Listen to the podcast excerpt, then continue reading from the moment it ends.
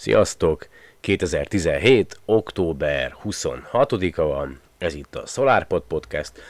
Hát hajnalban, amikor jöttem haza a munkahelyről, akkor fú, nagyon fáradt voltam, meg hát hogy sem is tudom, ilyen egész végig azon gondolkodtam, hogy, hogy vajon tényleg de ezt fogom csinálni egész életemben, ezt a három műszakozást, meg a melót, meg mindent, és hogy csak, csak eltelik az életed, meg aztán kialudtam magam, felmentem a, az NCS, ö, NCS oldalára, tudjátok, ez a No Copyright Sounds, találtam egy-két jó zenét, úgyhogy úgy döntöttem, hogy nem ö, ilyen letargikus, mély depressziós állapotban kezdjük a mai podcastet, hanem egy kellemes kis új zenével, találtam néhány egész ö, jó új zenét, amely majd a podcastben lesz háttéranyag, és aztán akkor el is kezdjük a mai műsort, mai adást, majd ugye Asimov ö, Utikalaus című könyvéből olvasok fel, ugye ahogy ígértem a műsor elején, aztán pedig jönnek a szokásos vegyes témák, nem is tudom.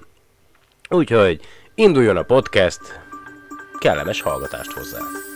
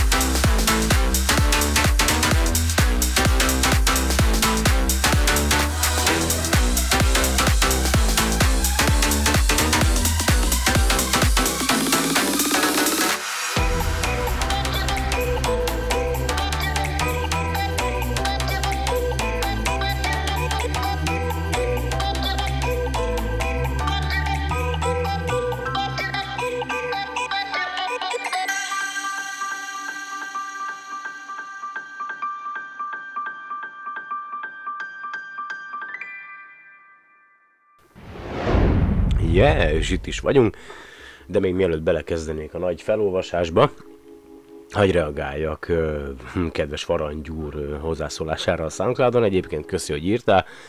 Hát ja, önbizalom hiány, igen, így már a sokadik podcasten túl is úgy, úgy látszik, meg talán igazad is van egyébként, hogy kis ilyen önbizalom hiányos vagyok, hát miért is van ez?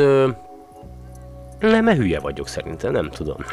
Tehát, hogy majd egyszer majd elmúlik, vagy nem, tehát hogyha mm, sikerül szép kort megélnem, és mondjuk leszek 70 éves, akkor szerintem ez már nem jelent majd problémát, de hát az embernek ilyen, nem is tudom, hogy vagy csak minden megfelelési kényszere van, és a többi, és a többi, ugye próbál valahogy érvényesülni, próbál valamilyen úton elindulni, én is annyi mindent ne szerettem volna, meg még szeretnék is foglalkozni, gyakorlatilag folyamatosan túlvállalom magam, szinte semmit se tudok úgy, úgy megcsinálni, ahogy szeretném, és ez nem is azért van, mert mert hogy nem tudnám megcsinálni én, meg, meg, meg szeretném is, csak az, hogy munkába járni, és a többi. Mindegy, hosszú, hosszú a dolog, és hogy ez a podcastet is csinálom, ezzel is ugye még valaki egyszer megkérdezte, hogy mégis ezzel az egészen mi a célom, meg, meg, meg mit akarok elérni, és,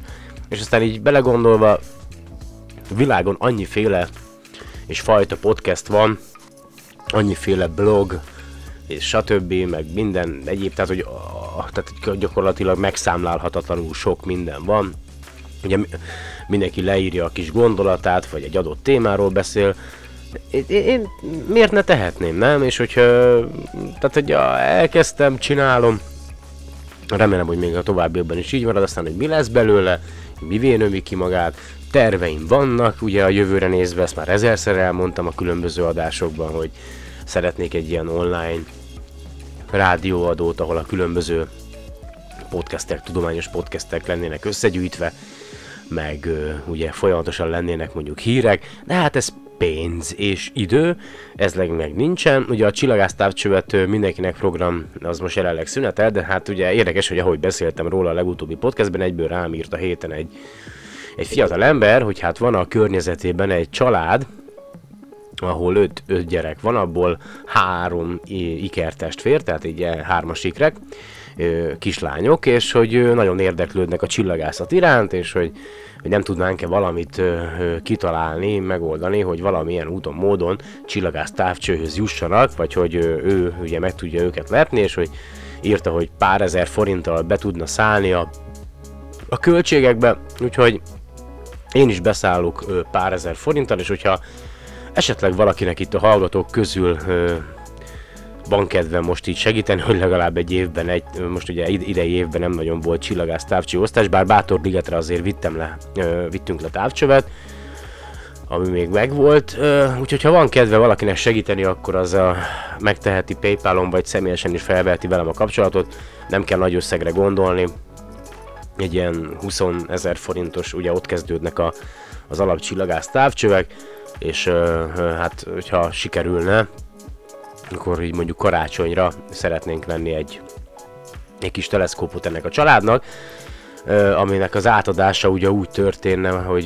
hogy én odaadnám a, a, a fiatalembernek a teleszkópot, és akkor úgy, hogy, tehát, hogy ő adná oda nekik, mert tőle ugye szívesen elfogadnák, és aztán később elmondaná az édesanyjának, hogy, hogy végül is hogyan sikerült ehhez a teleszkóphoz hozzájutnia, és akkor készítene néhány fényképet. Na, meglátjuk, mi lesz belőle, úgyhogy majd kitaláljuk, de most már megint eltelt 5 perc, majdnem, úgyhogy akkor kezdem is, gyerekek, a felolvasást. Ugye két adással korábban elkezdtem a Asimov Utikalaus című könyvéből felolvasni, ami 1996-ban, vagy mikor íródott, nem tudom pontosan, azt hiszem mondtam, és az első fejezetet olvastam el, ugye, ami arról szólt, hogy a Föld gömbölyű.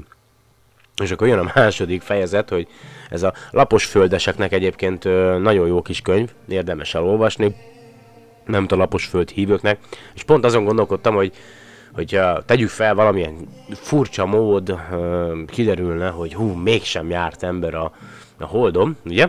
Mert ugye nagyon sok ilyen összeesküvés elmélet van, hogy stúdióba vették fel az egészet, nem is voltunk, meg semmi, izé, tök mindegy. A lényeg az, hogy szerintem akkor se dőlne össze a világ, és attól még a Föld gömbölyű, meg a világ egyetemben élünk, de ja, mindegy. Szóval, ha a Föld gömb alakú, miért nem csúszunk le róla? Amikor a gyerekeknek először mondják, hogy a föld gömbölyű, úgy tűnik zavarba jönnek. Az emberek a föld másik oldalán, például Ausztráliában, ha az Egyesült Államokból nézzük, fejjel lefelé, lábbal felfelé kell, hogy sétáljanak, miért nem esnek hát le mindannyian a földről? Végül is, ha valaki a plafonon próbálna sétálni, leesne. A helyzet még ennél is rosszabb. Tegyük fel, hogy valaki a gömbölyű föld legtetején él, ahogy bárkinek tűnhet, mivel a föld minden irányban egyformán görbül. Ebben az esetben valaki csak addig van biztonságban, amíg ott marad, ahol volt. Bármilyen irányban elindulva először megcsúszna, vagy megindulna lefele a lejtő. Minél messzebb haladna, annál meredekebb lenne a lejtő, egyre gyorsabban csúszna, egyre reménytelenebb lenne a helyzete, végül teljesen leesne a földről. Ha ez igaz lenne, már régen eláramlottak volna az óceánok és az összes levegő. Más szavakkal arra a látszólag észszerű következtetésre jutunk, hogy a lehetetlen, hogy lehetetlen gömbölyű földön élni, és éppen ezért a föld nem lehet gömbölyű.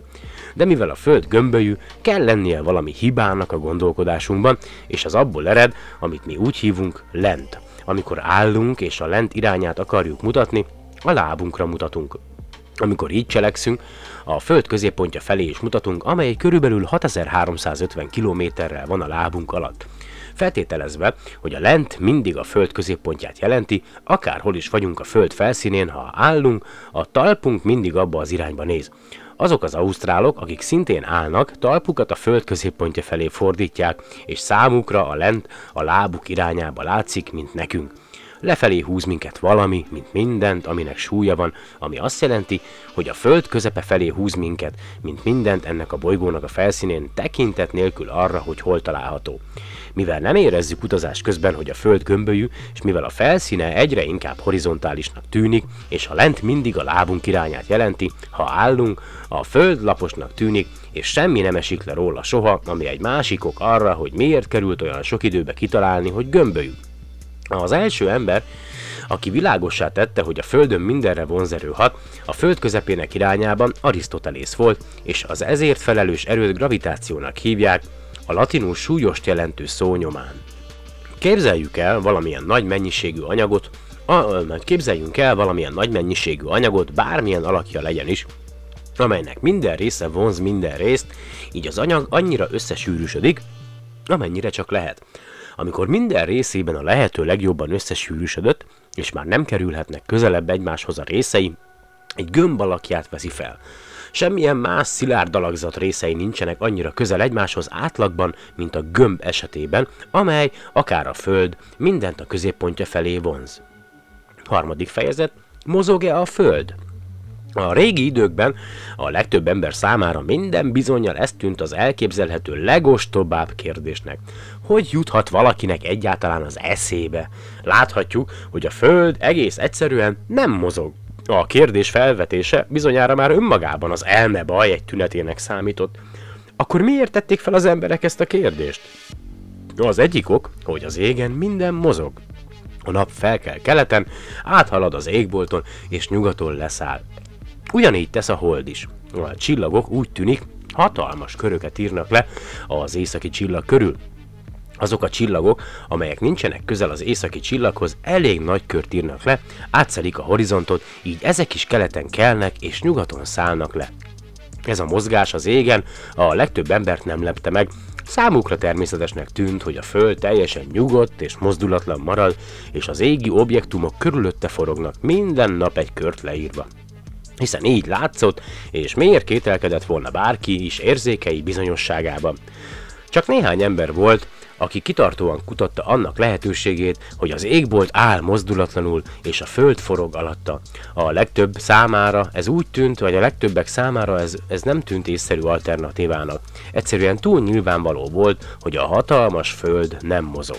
Mindannyian ültünk már várakozó vonaton, amikor az éppen mellettünk levő vonat váratlanul megindult lassan hátrafelé. Megdöbbentünk. Miért megy ez hátrafelé? Végül annyira hátra ment, hogy az eleje az ablakunk mögé került, előttünk, előtűnt a táj, és lám, a táj is hátrafelé mozog, amíg a mi vonatunk lassan, csendesen mozgott, nem tudtuk megmondani, hogy melyik vonat mozog és melyik áll mozdulatlanul. Az elődeink viszont nem voltak abban a szerencsés helyzetben, mint mi, nem szoktak ahhoz, hogy olyan csendesen utazzanak, hogy maguk se tudják, mozognak-e. Gyalogoltak, futottak, göröngyös utakon utaztak szekereken, és ügető vagy vágtató lovakon ültek. Mindezek a mozgásnak olyan jellegzetességet adtak, hogy fel sem merült mozognak-e éppen vagy sem. Ezért, mivel a Föld nem keltette azt az érzetet, hogy mozogna, arra következtettek, hogy egyszerűen nem mozog. Most képzeljük magunkat megint a vonatunkra, ahogy nézzünk a mellettünk lassan hátrafelé mozgó vonatot, vagy nézzük, hogy leellenőrizzük, az mozog-e vagy a miénk, csak annyit kell csinálni, hogy a másik irányba nézünk. A másik oldal ablakából az állomást vagy egy városi utcát láthatunk. Ha az is hátrafelé mozog, tudhatjuk, hogy mi mozgunk, nem a másik vonat. A Föld és az ég esetében nincs ilyen semleges támpont, amit nézhetünk. Aki tudomásunk szerint először felvetette, hogy a Föld forog, és nem az ég, Herakleidész időszámításunk előtt 394-től 322-ig görög filozófus volt, időszámításunk előtt 350 tájékán. Nem vették komolyan, 1609-ben azonban egy olasz tudós, Galileo Galilei 1654-1642 egy igen primitív távcsövet fordított az ég felé, felfedezései között szerepelt az a tény, hogy a sötét, fo- hogy sötét foltok vannak a napon. Ahogy napról napra nézte ezeket, észrevette, hogy a foltok lassan mozognak a nap körül, és arra a következtetésre jutott, hogy a nap lassan forog egy képzeletbeli vonal körül, amely a tengelye, és közel 27 naponta teszi meg, 27 naponta tesz meg egy teljes fordulatot. Ha a nap forog, gondolta, miért ne foroghatna a Föld is? 24 óránként egyet. Igen erős volt a felvetéssel szembeni ellenállás, és 1633-ban a katolikus egyház arra kényszerítette Galileit, hogy nyilvánosan tagadja meg nézeteit és jelentse ki, hogy a Föld mozdulatlan. De mindez nem segített a konzervatívokon, és 1655-ben az olasz-francia csillagász Gian Domenico Cassini 1625-től 1712-ig élt, meg tudta mutatni, hogy a Mars bolygó minden 24 és fél órában fordul egyet.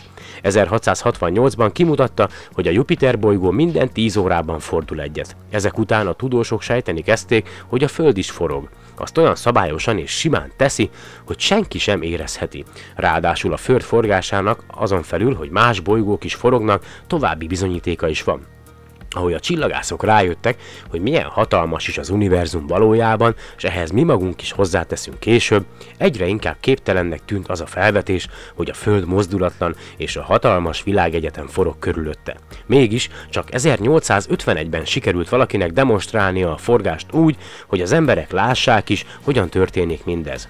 Egy francia fizikus, Jean B. Al Foucault, nem tudom, jól lehetem a nevét, elnézést érte, ha nem, 1819-1868 8, hosszú, nehéz ingát lógatott le egy templom mennyezetéről. Volt egy szög az inga alján, amely barázdákat rajzolt a templom padlóján lévő homokba. Az inga órákon át ugyanabban a síkban lengett, de a jel a homokban lassan megváltoztatta az irányát, ahogy a föld forgott az inga alatt. Ez volt az első alkalom, amikor az ingát néző tömeg láthatta, amint a Föld éppen forog. Napjainkban már az embereket, már embereket küldünk a Holdra, onnan nézzük a Föld forgását. Na és akkor még egy fejezetet elolvasok szerintem, mert viszonylag rövid. Ha felugrunk, mármint a Földről, miért nem esünk máshova vissza, ugye, hogyha forog a Föld? Jaj. Lapos földhívők, figyeljetek!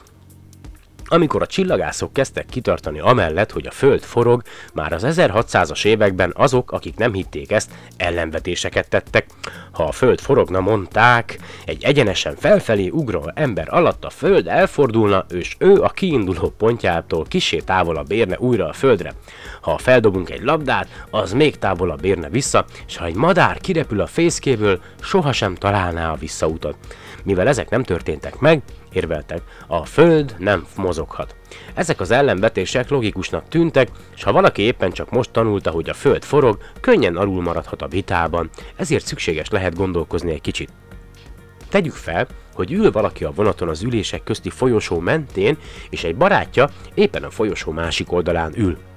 A vonat várakozik az állomáson, és mivel nincs jobb dolguk, az egyikük labdát dob a másiknak, aki elkapja és visszadobja. Nincs ezzel semmi probléma. Most képzeljük el azt, hogy a vonat nem várakozik, hanem óránként 96 km-es, 96 km-es sebességgel száguld a sima és egyenes pályán. Ha valaki odadobja a labdát a barátjának, befolyásolja-e a vonat mozgása a labda röptét úgy, hogy az nem a másikhoz repül, hanem a mögöttük ülők közül talál el valakit? Nem. Valóban nem. A labda pont ugyanúgy repül keresztül a folyosón, mintha a vonat állna.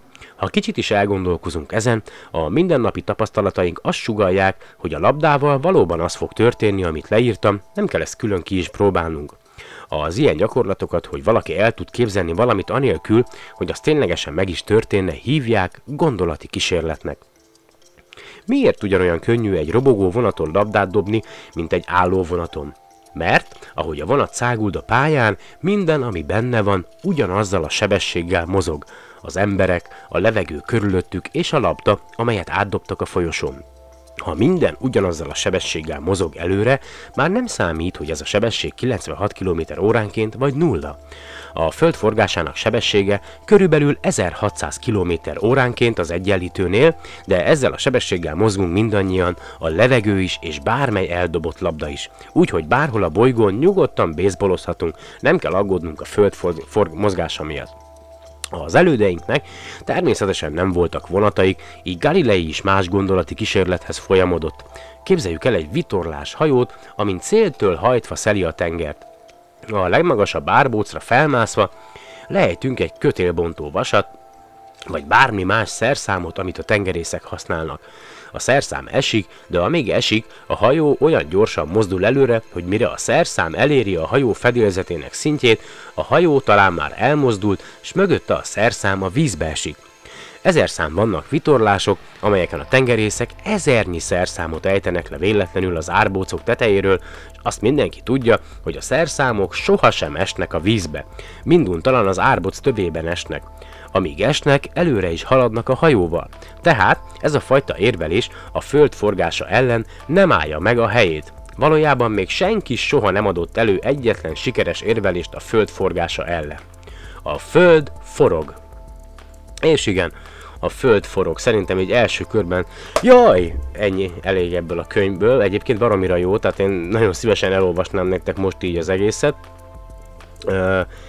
De hát ugye akkor csak arról szólna podcast, hogy akkor felolvasó műsor, de szerintem majd folytatni fogom, az biztos. Jaj, és itt is vagyok, egyébként közben itt tartok kis szüneteket, tudjátok, ilyen köhögő roham, mert bagózok, meg akkor most azért csak kibontottam egy. Na mindegy. Szóval, uh, mit akartam mondani? Ja igen, hogy van egy podcast, amit hát sok van, de van ez a Arvi Derriet, vagy Arvi Derriet, egy ilyen Floridában készül a, az adás, és nagyon jó kis a podcast egyébként ez is, angol nyelvű, hogyha bárkit érdekel majd, akkor talán azt hiszem, ha nem felejtem el, akkor a podcast leírásába berakom a linkjét, és a legutóbbi adásban a gyakorlatilag a, a, hogy is volt a azt mondja, infravörös csillagászat stratoszférikus obszervatóriumáról volt szó, vagyis a Sofiáról, ami egy ö, repülőgép, egy átalakított ö, Boeing, Boeing ö, 747-es, azt hiszem, ö, és ez a NASA-nak egy ilyen kis ö, ö, obszervatóriuma, amely 12 ezer méteren ö, szokott megfigyeléseket végezni, és ez a második adás volt, amit ezzel kapcsolatban hallgattam, és most legutóbb Floridában volt ez a repülő, és úgynevezett occultation, okkultáció, vagy ilyen eltűnés, vagy ilyen nem tudom minek, tehát olyasmi, mint egy fő napfogyatkozás, vagy egy fogyatkozást, tehát hogy fel, felmentek 12 ezer méter magasságban Floridában, és akkor azt figyelték meg, ahogy a Neptunus, vagy Neptune angolul, én ugye egy-két adásban úgy mondtam, hogy Neptune, meg van még ilyen hibám a potenciális, én mindig azt mondtam, hogy potencionális, mert ugye potential, mindegy, szóval azért van, van velem gond rendesen, tehát a, a lényeg az, hogy ez a Sofia ö, obszervatórium, ö, azt figyelte meg, ahogy a Neptun Triton ö, ö, nevű holdja innen a Földről nézve elhalad egy csillag előtt, gyakorlatilag ugye, bár nem látható, de a, a Triton holdnak az árnyéka az keresztül halad, most idézőjelesen, a Földnek egy pontján, ahogy az a csillag, ami előtt elhalad, ugye a fényét sugározza felé, és de csak tök idézőjelesen, és a repülőt pont úgy irányították, vagy úgy irányították, hogy, hogy egy vonalban legyenek a, a csillaggal, ahogy ugye, meg a, meg a, a, a Tritonnal azt hiszem, és azt, a, ez alapján, ahogy ugye elhaladt a Triton a, a csillag előtt, ö, próbálták megfigyelni magának a, a Tritonnak a légkörét, a légkörnek az összetevőjét, ugye mert a, a csillag, csillag fénye az keresztül halad a, a légkörön, és akkor ö, különböző eszközökkel ugye vizsgálgatták, de nem is ez a lényeg, hanem az, hogy hogyan épül fel ez a maga egy ilyen repülés a Szófiával, tehát hogy minden egyes repülés előtt van egy ilyen biztonsági megbeszélés, akkor van egy ilyen ö, kutató, vagy hát, hogy maga a projekt megbeszélés, hogy mit fognak végezni, és ugye mondjuk, hogyha van egy esemény, mint például ez, hogy elhalad a Triton egy csillag előtt és megfigyeli, akkor mielőtt ugye ténylegesen megtörténne az elhaladást, több teszt repülést is végeznek, tehát ilyen teszt, teszteket, tehát néhány nappal előtte felszállnak, és akkor ugye elgyakorolják azt, hogy mit fognak csinálni, és akkor vannak úgynevezett ilyen, nem tudom, hogy tehát most nem jut eszembe, hogy minek nevezték, de ugye mindig azon, hogy beállnak egy irányba, és akkor attól függ éppen, hogy mit néznek, mindig percenként ugye egy fokkal balra, vagy egy, és akkor mondta, mondta ugye, hogy van egy ilyen kutatásvezető, vagy egy ilyen irányító, és akkor hogy mindig kiadja a parancsot a pilótáknak, ugye, hogy kövessék az objektumot, tehát előre megvan minden tervezve, ki van számítva, te, és ez az egyetlen olyan ö, eszköz, ugye ilyen csillagászati eszköz, ami tényleg a csillagok állásából ö, navigál, és akkor mind, ö, mindig ilyen ó, követik ugye az objektumot, aztán eltelik egy óra, akkor megint megfordulnak, és akkor megint elkezdik követni, és, és baromira jó lehet egyébként ott, ott, ott dolgozni, csak egy baj van, hogy, hogy, olyan, hogy miért kell olyan magasra menni, azért, mert ugye az infravörös tartományban való megfigyeléseknél. Ugye a vízpára az gondot okoz, mert ezek a elektromágnes, elektromágneses spektrumnak ez a tartománya, hogyha innen a Földről nézzük, és ugye fölöttünk van a, a felhő, meg a, meg a vízpára, akkor hát nem igazán érnek el ide a Földre ezek a, ezek a sugárzások, úgyhogy mindenféleképpen a, a vízpára fölé kell jutnunk ahhoz, hogy megfelelően meg tudjuk figyelni ezeket a, az eseményeket, vagy e, ebben a tartományban a, a dolgokat, és még egy nagy előnye van ennek a, a repülőnek, ennek az úgynevezett Szofiának, mégpedig az, hogy ez félig meddig ugye egy űrteleszkóp, mert viszonylag magasan repül, tartózkodik, és ugye minden nap, vagy minden egyes ilyen repülés alkalmával, ami általában 9-10 óráig tart, visszatér a Földre, és még arra is szokták használni ezt a repülőgépet, hogy a különböző eszközöket, különböző detektorokat, amelyeket a teleszkópokra felszerelnek, azt ezen a repülőn ö, kis, hát tesztelik, tehát nézik meg, hogy ö, hogyan fognak működni, és ugye ezek után, a tesztek után építik be egy adott tűreszközbe, és ha már ö, adott tűreszközről van szó, akkor legutóbb ugye volt egy hír, hogy a James Webb űrteleszkópot Ugye úgy tervezték eddig, hogy 2018 novemberében, vagy hogy tervezik felbocsátani, de hát bejelentették a, a, a projektnek a vezetői, hogy hát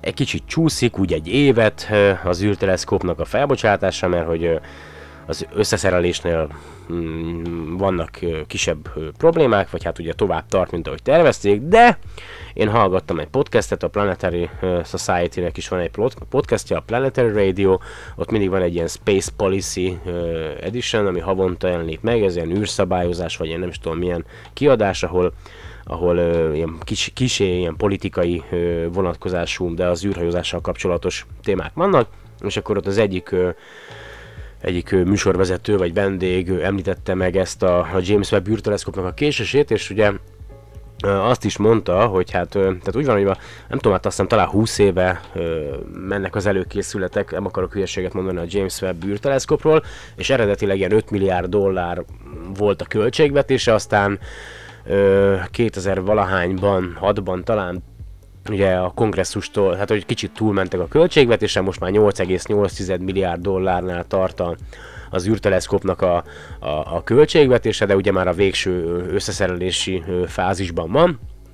És ugye van egy olyan szabályozás az Egyesült Államokban, ö, legalábbis amit én így hallottam, hogyha mondjuk egy, van egy ilyen projekt a NASA-nál, ami ne talántán nem tud elkészülni határidőre, vagy épp kicsúsznak a, a költségekből, akkor, ö, ak- tehát akkor mindenféleképpen a kongresszus elé kell menni, azért, hogy a kongresszustól jóváhagyást kaphassanak a projektnek a folytatására, vagy a további támogatásokra, vagy ugye azt mondja a kongresszus, hogy hát köszönjük szépen, akkor ezt a projektet megszüntetjük, de hát a James, abban James Webb űrteleszkóp esetében azért ez, ennek minimális az esélye, hiszen már a végső fázisban van, és azt is mondták, hogy, hogy van pénz, tehát még, még bőven benne vannak abban a kibővített keretben, viszont az, a, az az űr, űr, űrkilövő bázis, vagy űr, ahonnan ugye fellőnék a, a James Webb űrteleszkópot, sok egyéb projektnek is a kilövő állomása, és hogy ott van egy kisebb ilyen, hogy szokták mondani, ilyen dugó, tehát van az Európai űrügynökségnek is egy projektje, amelynek az előkészületeihez, legalábbis a, én úgy értelmeztem, fél évenre ö, igénybe kell venni ezt az, azt a kilövő állomást, és hogy, hogy lehet, hogy azért halasztották el a James Webb űrteleszkópnak a fellövését, hogy hogy, hogy az Európai űrügynökségnek a projektjét tudják 2018 végén ugye elindítani, és ugye úgy voltak vele, hogy hát pénz van, akkor szereljük össze biztonsággal az űrteleszkópot, és akkor majd majd később ö, bocsátjuk fel, úgyhogy jelenleg ez a helyzet. A, a, előre láthatólag 2019-ben lesz fellőve a James Webb űrteleszkóp, meg folyamatosan beteg vagyok egyébként, mióta bejött ez a nyírkos fos idő, meg ez a hajnalonkénti hidegek. Na mindegy. És akkor egy másik hír, ugye emlékeztek, hogy azt is arról is volt szó, hogy a, a kínaiak első űrállomása, az az úgynevezett Changyong, vagy Mennyei Palota 1, ugye irányítatlanul, vagy hát ugye elveszették vele a kapcsolatot, vagyis hát nem tudják irányítani. Szépen ugye folyamatosan süllyed a pályáján, és egyre közelebb és közelebb kerül a, a bolygónk légköréhez, és 2000 17 végére jósolták azt, hogy majd elég valahol a földi légkörben. Aztán ma olvastam egy cikket ezzel kapcsolatban, hogy a jelenlegi számítások alapján ez majd 2018 márciusának végén fog megtörténni, úgyhogy majd akkor visszatérünk erre a témára.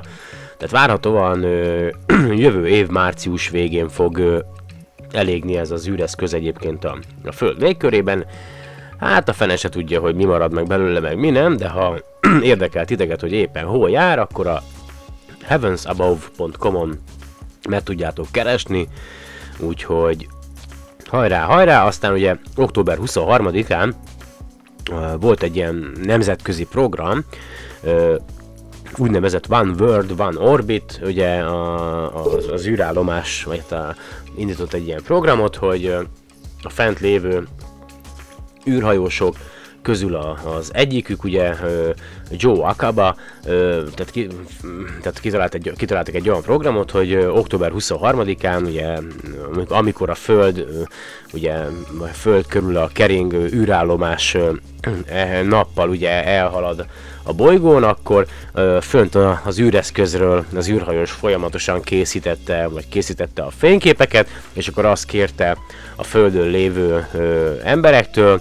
hogy a, abba, amerre az űrhajó, amerre az űrállomás elhalad, ők is készítsenek ö, fényképeket az égboltról, vagy az égről, amerre éppen az űrállomás látható, de ugye ez a szem nappal történt, úgyhogy igen, igen, exactly one orbit, igen, on the morning of jó, tehát igen, október 23-án reggelén, és az űrhajó elméletileg Magyarország fölött is ö, elhaladt, ö, pont, ja, pont elhaladt Magyarország fölött is, azt mondja, hogy 12 óra 44 perckor, most hegyi idő szerint, vagy, vagy nem tudom milyen idő szerint, de hát igen, én erről nem tudtam, bár amúgy se készítettem volna fényképet. Aztán, hogy térjünk egy kicsit vissza a Holdra, ugye a legutóbbi adásban volt arról szó, hogy most már mindenféleképpen mindenki vissza akar menni a, a Holdra, és azt mondja, hogy ugye tudjátok, van a, a Bigelow Airspace, a, aki ezt a felfújhatós lakómodult gyártja, és ugye az űrállomáson már azt hiszem talán több mint egy éve fönt van, a nemzetközi űrállomáson az a, a Beam névre keresztelt modulja a Bigelow-nak, és hát ugye folyamatosan mérték a különböző adatokat, hogy milyen hőmérséklet van, milyen sugárzást enged át, és a többi mennyire tartja a nyomást, és a NASA úgy döntött, hogy meghosszabbítják ennek a felfújhatós modulnak a, a, az űrállomáson való tartózkodását még jó néhány évvel, ha minden igaz, igen, azt mondja, igen, 2016-ban, és a NASA bejelentett, hogy 2020-ig ott lesz, és én nem is tudtam, hogy ez a, a Bigelow Airspace ö, ugye már elég régóta dolgozik ezeken a felfújhatós ö, lakómodulokon, tehát már évek óta, és ők önmaguk, tehát ö,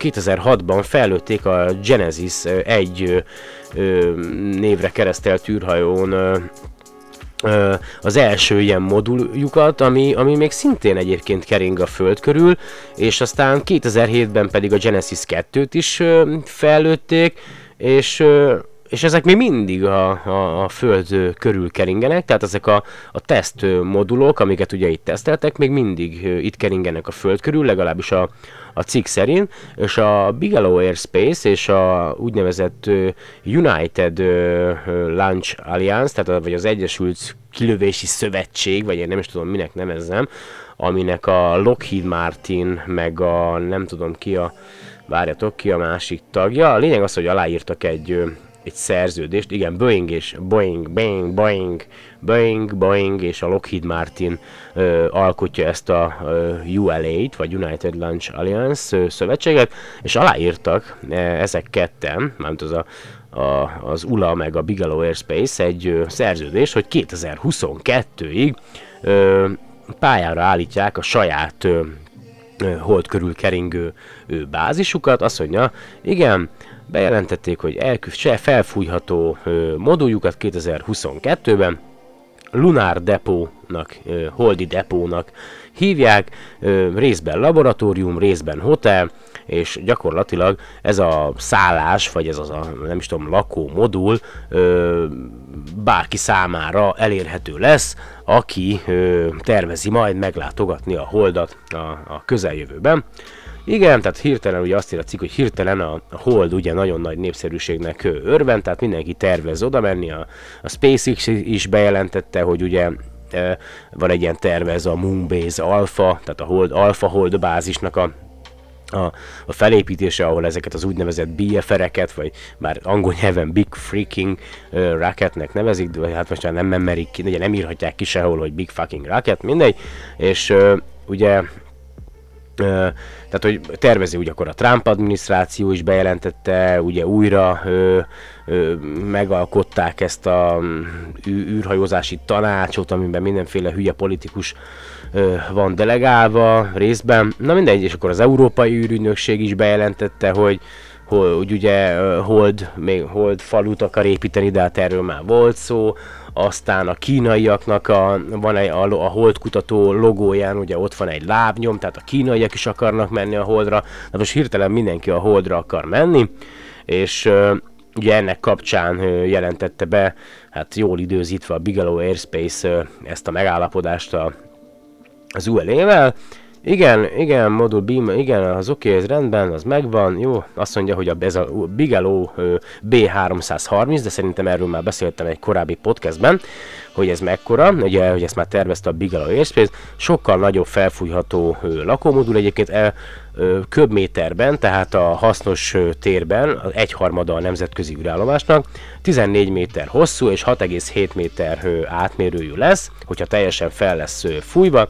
A fel, felbocsátási tömeg az körülbelül 20 ezer kg, és egy elég nagy ugye rakétát igényel majd a fellövése, ahhoz, hogy ugye aztán hold körüli pályára tudják állítani, és durván olyan 330 köbméter lesz egyébként a, a, belső tere, és ugye ő is akkor itt írja, hogy a, ugye a nemzetközi űrállomás az 915 köbméter, és akkor ez gyakorlatilag a, az egyharmada lesz a nemzetközi űrállomásnak, És azt mondja, hát igen, egyszerű fellövéssel azért elég lenyűgöző. Ez igen, bla bla bla, tehát hogy a Bigelow az gyakorlatilag jelenleg is építi ezt a B330 névre kereszteltő felfújható modulját, és hát azt tervezik, hogy 2020-ra el is készül, és majd az úgynevezett vulkán rakétára keresztelt vulkán névre keresztelt rakétával szeretnék felbocsátani, melyet ez a ULA fog elkészíteni, Ugye azt tudnotok kell, hogy ez a United Launch Alliance Ö, mielőtt ugye a SpaceX berobbant volna a piacra az újrahasznosítható ö, rakétáival, tehát a Falcon 9 vagy a, a fa, ö, hogy gyakorlatilag ilyen kizárólagos ö, szerződéses partnere volt a NASA-nak, ö, csak baromi drágán dolgoznak, de mindegy, azért van, azért van itt is versengés, hál' Istennek, és ugye ezzel a vulkán rakétával lesz majd elméletileg felbocsátva a, az űrállomás, és hát ugye ez a Bigelow is azt tervezi, hogy hogy majd a, a NASA-nak a, az Orion űrkapszuláját rá tudják majd csatlakoztatni, és akkor szintén az lesz a vezérlőmódulja, meg abban bíznak, hogy majd NASA űrhajósok is is mennek ugye erre a felfújhatóra, úgyhogy én nem tudom, hogy nagyon sok felé szerte ágazó, ugye van már orosz-amerikai együttműködés a hold körülkeringő bázisra, akkor itt van ez a Bigelow, meg az ULA, akkor ott van a SpaceX, akkor ott vannak a, a kínaiak, meg még ki tudja, lehet, hogy még a japánok is, meg az európai űrügynökség. Tök jó, tehát hogy ilyen lesz nyolcféle modul. Szerintem hasonlóan megállapodhatnának, mint a nemzetközi űrállomás esetében, és egyesített erővel sokkal egyszerűbb lenne egy ilyen föld, úgynevezett földi, a hold körül keringő bázist megépíteni, remélem, hogy tényleg egyszer képesek leszünk ö, ö, emberi fajként, ö, ténylegesen emberi fajként ö, együttműködni és dolgozni. Ö, hát ja, nagyon bízom benne. Na mindegy, szóval ez is itt van, aztán ugye még a holthoz kapcsolódik, hogy felfedeztek egy ilyen régi ö, láva alagutat, amelyben Philadelphia város is elférhetne, legalábbis az eddigi mérések alapján a Holdon, tehát a Hold, Hold felszíne alatt van egy ilyen láva folyamjárat, amely ugye úgy keletkezett, hogy akkor, amikor még a, a Holdon volt vulkanikus tevékenység, akkor a, a felszín alatt, vagy a felszín fölött folyó, ugye láva folyam külső rétege elkezdett lehűlni, megszilárdult, és ez egy ilyen tetőt képzett ugye az alatt a folyó lávának, és az szépen a láva az folyt ö, ott ö, alul, és aztán amikor megszűnt ez a vulkáni tevékenység, akkor általában előfordult az, hogy ez a, ez a láva alagút ez szépen ö, kiszáradt, és aztán lett egy ilyen jó nagy tér benne, és ö, most hála az égnek ugye már elég régóta, legalábbis a cikk alapján, amit olvastam, már elég régóta ö, kutatták, vagy kutatják ugye a, a csillagászok, meg a különböző szakemberek, hogy ezeket az ilyen láva ö, alagutakat, és, és most végre kézzelfogható, tehát hogy találtak is egy, egy igen jót, és ez ugye miért fontos? Azért, mert majd a későbbiekben, ugye, hogyha mindenki tervezi a holdbázisát megépíteni, akkor ebben az úgynevezett láva alagútban ezt biztonsággal megtehetik, mert itt, itt a felszín alatt védve lesznek ugye a, a holdon tartózkodó űrhajósok, vagy éppen kolóniák, a fene se tudja, mi lesz még a jövőben, a különböző káros sugárzásoktól, részben a napsugárzástól, részben pedig ugye a, a kozmikus sugárzástól, meg ugye a, a nap hőjétől. Hát kíváncsi vagyok egyébként, hogy mi lesz ebből.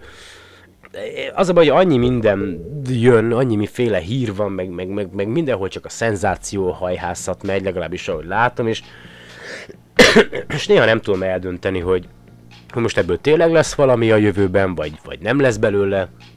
Ö, ugye tényleg, tényleg csak akkor derül ki, amikor már elkészül, és á, tényleg, ha már, ha már ugye, ugye rengetegen most tervezik, hogy így megyünk a holdra, úgy megyünk a holdra, de nincs ennyi űrhajós, ugye, ha mindenhova kolóniákat szeretnénk telepíteni, legalábbis a, a hivatalos szerveknél, mint amennyire szükség lenne egy ilyen kolonizációhoz, és emlékeztek, hogy én beszámoltam nektek az úgynevezett Space Nation nevű nem is tudom, kezdeményezésről, hogy legyél te is űrhajós, és már beta fázisban van a, a Space Nation-nek a, a mobil alkalmazása, én hát bár nem sok időm van rá, de azért jelentkeztem beta tesztelőnek, csak az volt a szívás, hogy a, az Androidra az alkalmazást nem készítették el időben, úgyhogy én nem tudtam onnantól kezdve tesztelni magát a, a, a, a Space Nation-nek az alkalmazását, és itt van előttem a telefonomon ez a ű, ű, úgynevezett űrhajós astronauta kiképző alkalmazás, ahol van egy saját profilod, láthatod a résztvevőket, hogy éppen kik vesznek részt ebben a úgynevezett astronauta kiképző programban, lehet legénységet létrehozni, vagy már egy meglévő legénységhez csatlakozni, hogy együtt közösen fejlesztétek magatokat, ugye pontokat lehet gyűjteni, tehát ilyen ö, értékelő, értékelő, tehát ilyen, ö, na, szóval ilyen tábla van, tehát ahol ugye eredménytábla van, ahol, ahol ö, listázva vannak, hogy kinek hány pontja van, és különböző feladatokat lehet ö, elvégezni, minden hétre van négy feladat, nekem ezen a héten ugye, hogy is volt azt mondja, hogy igen, van ilyen, hogy astrofitness, tehát hogy ö, edzeni kell, különböző bemelegítő programot, meg gyakorlatokat kell végrehajtani videó alapján, akkor volt olyan, hogy, hogy a, azt, azt, azt a feladatot kellett végrehajtani, hogy egy elkerülhetetlen meteor meteorid becsapódás várható az, azon a ponton, ahol tartózkodsz, és hogy a lehető leggyorsabban a lehető legmesszebbre kell futni, és akkor be kell kapcsolni a GPS-t, és akkor a, a, az alkalmazás ugye érzékeli, hogy te hány perc alatt mennyi, mekkora távot tettél meg. Na én ezt most nem teljesítettem, mert pont előtte egy nappal mentem el futni egy hónap kihagyás után, és olyan izomlázam van, meg éjszakás vagyok. De egyébként ki fogom próbálni, csak azt nézem, hogy megvan-e még a feladat, mert ugye minden, minden héten más feladat van. Most itt van a beta alkalmazás letöltve, nekem tök jó egyébként Ö, hamarosan majd elérhető lesz egyébként bárki számára is. Ö, azt mondja, milyen feladatom van. Ja, do it yourself, ja, építs magadnak űrhajót, tessék. Akkor itt van egy olyan feladat, hogy azt mondja, papír, papírból kell hajtogatni egy űrhajót, aztán le kell fényképezni, akkor legutóbb olyan küldetés volt, hogy, hogy ugye a, a világ űrben súlytalanság van, és hogy az embereknek a frizurája az különböző alakzatokban van, tehát hogy gyakorlatilag nem tudod beállítani, hogy készítsél fotót a saját hajadról a lehető legjobban összekócolva. Hát ez érdekes, mert én nekem gyakorlatilag nincs hajam, mert mindig ilyen 1-2 milliméteres lenyírom, de mindegy, azért legalább feltöltöttem képet, még úgyis egyébként beta fázisban van, tehát szerintem még ezek az eredmények nem fognak számítani. Akkor van most egy olyan program, hogy Lunar Signal, Communication in Space, are a bit more complicated than here on Earth, so you need careful timing to call for re rescue. Time your SOS signal to the orbiting satellites can get fixed on your location. Mi van? Mit ír? És küldetés kezdése? Nézzük. Na mit kell csinálni? Azt mondja. Wetters, igen. Oh yeah, tehát SOS jelet kell küldeni egy izére egy űreszközre. Azt mondja, nézzük. Start. Ja, és egyébként nem mellesleg, hogyha elkezdtek egy programot, ja, megvan. Ja, hogy itt, igen, ez egy egy ilyen játék. Tehát, hogy állsz a holdon, és akkor elhalad fölötted a, a gondolom a, a, műhold, és akkor úgy kell irányítani az SOS jelet. Ja, hogy igen, eljusson a, a műhold, aztán türelmesnek kell lenni. De mindegy, és egyébként a különböző küldetések alatt feldob ilyen hasznos információkat, hogy meg voltak teszt, teszt feladat is volt, tehát ilyen kérdéseket kellett megválaszolni, úgyhogy jó lesz ez, a, ez az alkalmazás, tényleg elindult ez a dolog. A fejlesztők, illetve a program elindítói azt ígérik, hogy minden évben a legjobb eredményt elért ö, ö, ö, úgy, úgymond ilyen astronauta jelöltjük, aki a legtöbb feladatot végrehajtja és a legtöbb pontot eléri, annak lehetősége lesz majd elméletileg feljutni a világűrben. Na most erre kíváncsi leszek. Egyébként ez, a, ez, a, ez az alkalmazás, ez talán arra is jó lenne, bár hülyeség persze, mert ugye éveken keresztül képzik ki az astronautákat. Hogyha tényleg arra készülünk, hogy mi emberek kolonizáljuk ugye a, a legalább a naprendszert, hogy a közeli naprendszert, hogy elmenjünk vissza a Holdra, illetve a Marsra, és ott telepeket építsünk, akkor kell a megfelelő személyzet, kellenek a megfelelő emberek. Én nagyon bízom benne, nem tudom, tehát az a baj tényleg, hogy most már közel vagyok a 40-hez, bár ugye vannak még 50 éves asztronauták is, nem is ez a lényeg, valószínűleg én nem fogok eljutni, akármennyire is szeretnék, viszont a jövő, a jövő, mert én már a múlt vagyok, ugye, tehát a, a jövő nemzedékeinek lesz lehetősége erre, én nagyon bízom benne. Ha majd megjelenik egyébként élesben az alkalmazása, azt úgy is tudatni fogom veletek, de menjetek fel a, a spacenation.org oldalra, és akkor ott bővebb információt kaptok. És hogy miről kéne, vagy miről szerettem volna még beszélni, hát ugye írják, hogy Stevie Hawking doktoria elérhető online, akit esetleg érdekel. Angol nyelven csak hát lehalt a szerver, mert annyira, annyian voltak rá kíváncsiak. Ja igen, és ha már Holdról beszélünk, uh, elméletileg egy cikk szerint, a futurism szerint, uh, igen, de még, tehát hogy Hawaiion felépítik majd a, a a jövőben tervezett ugye úgynevezett hold falunak a, a, a, a prototípusát, ugye ez volt az, ha minden igaz, amelyet az Európai űrügynökség jelentett be, tehát ez az, amit úgy 3D nyomtatóval terveztek ugye a holdon lévő anyagokból felhúzni, és azt mondja, igen, volt valamilyen összejövetel uh, Hawaiion, a Moonbase, igen, tehát a geografikus, a geológia, tehát az adottságai alapján a legtökéletesebb hely arra, hogy felépítsünk egy holdbázis prototípust Hawaiion. Ja, szegény Hawaiiak. Legutóbb volt egy podcast, amiben szó volt erről a tervezett 30 méteres teleszkópnak az építéséről kapcsolatosan, és a Hawaiiak már nagyon tiltakoznak, hogy oda még egy teleszkópot építsenek, mert hát ugye az ősi föld, meg a szent föld, meg már tele van mindenféle teleszkóppal, meg ilyen kutatóbázissal, de aztán úgy látszik sikerült megegyezni velük, mert fel fog épülni ott Hawaiion a, ez az úgynevezett 30 méteres teleszkóp névre keresztelt űrteleszkóp, vagy hát a teleszkóp. Gondolom sikerült jó kis pénzt fizetni a, a helyi politikusoknak, vagy a helyi érdekcsoportoknak ahhoz, hogy engedélyezzék a, a teleszkóp felépítését. Igen, igen, organ, bla bla bla, bla bla bla, surface to build, operator, IMB, jó, tehát a lényeg az, hogy Hawaiion tervezik egyébként felépíteni ennek a holdbázisnak a prototípusát, majd jobban elolvasom a cikket, aztán ugye azt is olvastam, hogy Dubajba, meg ugye az, ott meg a, a Mars bázisnak a ö, úgynevezett olyan, olyan, olyan, olyan épületkomplexumot terveznek felépíteni, amely a marsi körülményeket ö, szimulálja, ugye mínusz gravitáció, mert ugye hát a földi gravitáció van, tehát hogy egy olyan ilyen üvegházszerű, vagy én nem is tudom micsodát szeretnének ott felépíteni, amely pedig azt azt szimulálja, hogy majd az emberek hogyan fognak a Marson ugye élni, hogyan fognak ott növényeket termeszteni, stb. stb. stb. Egyébként folyamatosan vannak ilyen kutatások, tehát ugye Hawaii-n van egy ilyen bázis, talán most ért véget egy ilyen fél éves misszió, hogy kutatók egy csoportja bement egy úgynevezett ilyen lakóegységbe, és ugye szimuláltak egy ilyen marsi tartózkodást, mint hogyha a Marson lennének, tehát a kommunikáció is ilyen 40 percig tartott, tehát ilyen 20 perc ugye oda, 20 perc vissza, és hogy a, amikor kimentek ezekből a modulokból, akkor ugye űrruhába kellett megtenniük a, a sétát, és ugye ezek most ért. Tehát, hogy folyamatosan zajlanak kísérletek, vagy szimulációk arra, hogy milyen lesz majd, hogyan lesz majd, tehát tényleg komolyan gondolkodunk rajta.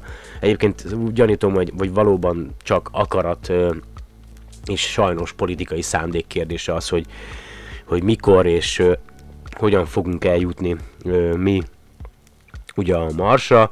Jaj, tényleg, na, a legutóbbi podcastben említettem ezeket a kamu cikkeket, most kettőt elolvasok belőle, mert hülyét kaptok azt mondja, hogy a ripost.hu oldal jelent meg, hát az egy nagy rakás fos, figyeljetek. Azt mondja, itt a vég, ismét felbukkant a rejtélyes, sötét anomália a nap közelében. Igen, egyszer néztem ilyen videót, és akkor felvételekkel, amit a Soho készített, meg a, ugye a űresz, hogy hogy ott egy, ott egy űrhajó, ami szívja a nap energiáját, és egy féreg lyukból jön, csak azért, hogy a mi napunk energiáját elszívja anyád. Tehát, hogyha képes van tényleg egy olyan civilizáció, most így erre jöttem rá, amely féregjukon átközlekedik, akkor miért pont a mi napunk energiája kell neki, azt mi a francnak jön ide vissza, van hú, hány nem mondjam, hány ezer, millió, milliárd, milliárd csillag a világegyetemben, bárhol mehetne energiát leszívni, na mindegy, szóval.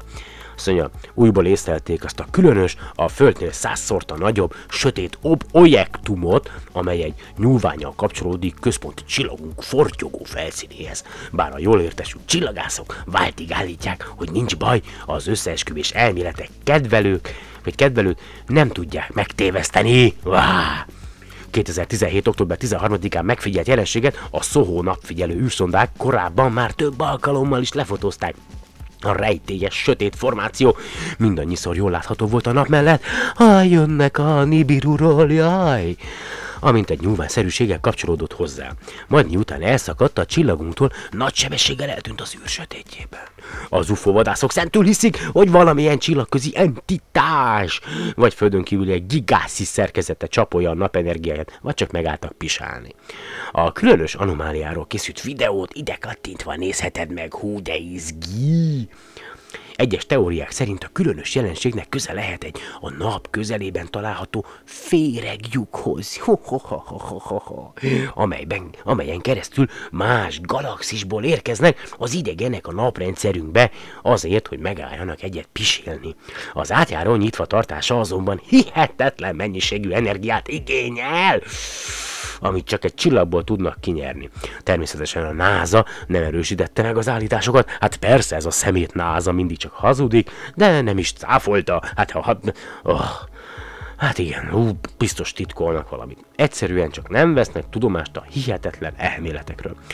A csillagászok azonban rögtön előálltak a saját magyarázatukkal. Szerintük tudományosan bizonyított, hogy semmiféle földön kívüli civilizáció keze vagy csápja nincs benne a dologban, egyszerűen csak arról van szó, hogy a napból egyfajta hűvös plazma távozik, amely hőmérséklete miatt sötétebbnek tűnik a környezetéhez képest.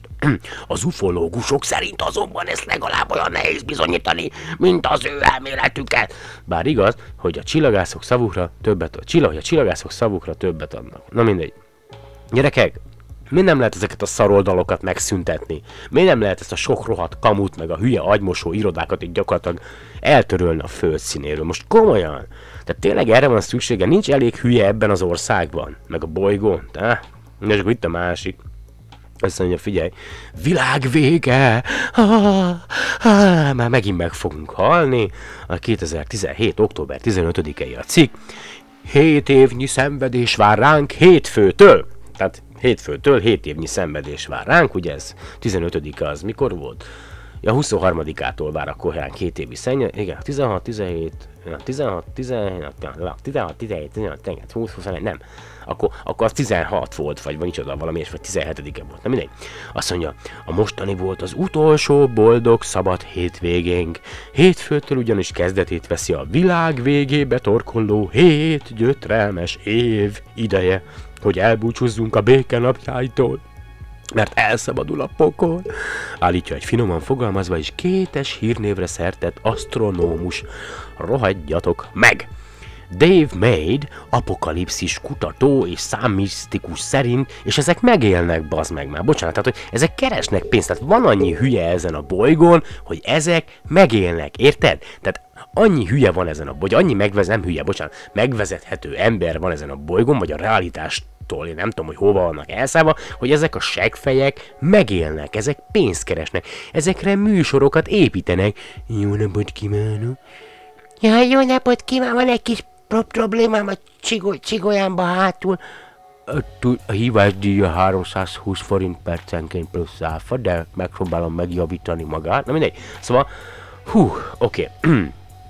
Okay. Tehát Dave Maid, apokalipszis kutató és számmisztikus szerint október 15-ével hivatalosan is kezdetét veszi a pusztulás, ám a föld és az élet nem semmisül meg azonnal.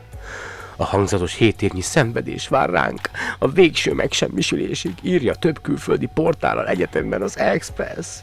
Miért szerint természeti katasztrófák tömkelege fogja elpusztítani a bolygót? Földrengések, cunamik, hurikánok, ha csak néhány dolog, ami elviselhetetlenné teszi majd az életet, Gashi. A véleménye szerint ennek a nyomait láthatjuk már most. Amerika sorra érik el a gyíkos erejű hurikánok, Mexikót például hatalmas földrengés házta meg nemrég. Mi az a Nibiru? Hajjaj, Nibiru, tudjátok, az a, a kilencedik vagy a tizedik bolygó, ma én se tudom, a, jön aztán becsapódik, azt megy tovább, érted? Egy feltételezett bolygó a naprendszerünkben, amelyet két csillagász, miután megvizsgálták az Uránusz és Neptunusz mozgását, hibás alapokon nyugvó matematikai számításai alapján valószínűsítettek. A tévedés ellenére a misztikus bolygó gyökeret vert a köztudatban, olyannyira, hogy egy amerikai újságíró külön legendát körített az égidest köré. Állítása szerint a véső csapást a Nibiru elnevezésű feltételezett bolygó fogja majd jelenteni számunkra, ami egész egyszerűen a földünkbe fog csapódni, ezt megelőzően a biztonság kedvéért még kitörik a nukleáris, kitörik, érted, még kitörik Érte, kitörik a nukleáris háború, az Egyesült Államok, Nagy-Britannia, Oroszország, Kína, Irán és Észak-Korea részvételével, bár a szakértő korábban szeptember 23-ára jövendőlte a vég eljövetelét, előtte meg augusztus 12-ére, azt megelőzőleg meg május 20-ára, azt megelőzőleg meg 2016. december 31-ére, de hát sajnos mindig valami hiba csúszott az állításokba, mindegy. Később beismerte, hogy tévedett, de a 7 éven át tartó megpróbáltatások korának kezdetében már egészen biztos. Na én most magatokra hagylak egy kicsit. Hú. Köszönöm, hogy ma is meghallgattatok. Ha bármi véleményetek van, írjatok solarpod2016 gmail.com, facebook.com per solarpod, vagy soundcloud.com per solarpod, szóljatok hozzá nyugodtan a podcasthez. A podcast az iTunes-on elérhető, akkor Stitcheren, TuneIn-en, ahol csak szeretnétek. Remélem, hogy minél hamarabb újra találkozunk, addig is, sziasztok! Ja, Lisó voltam.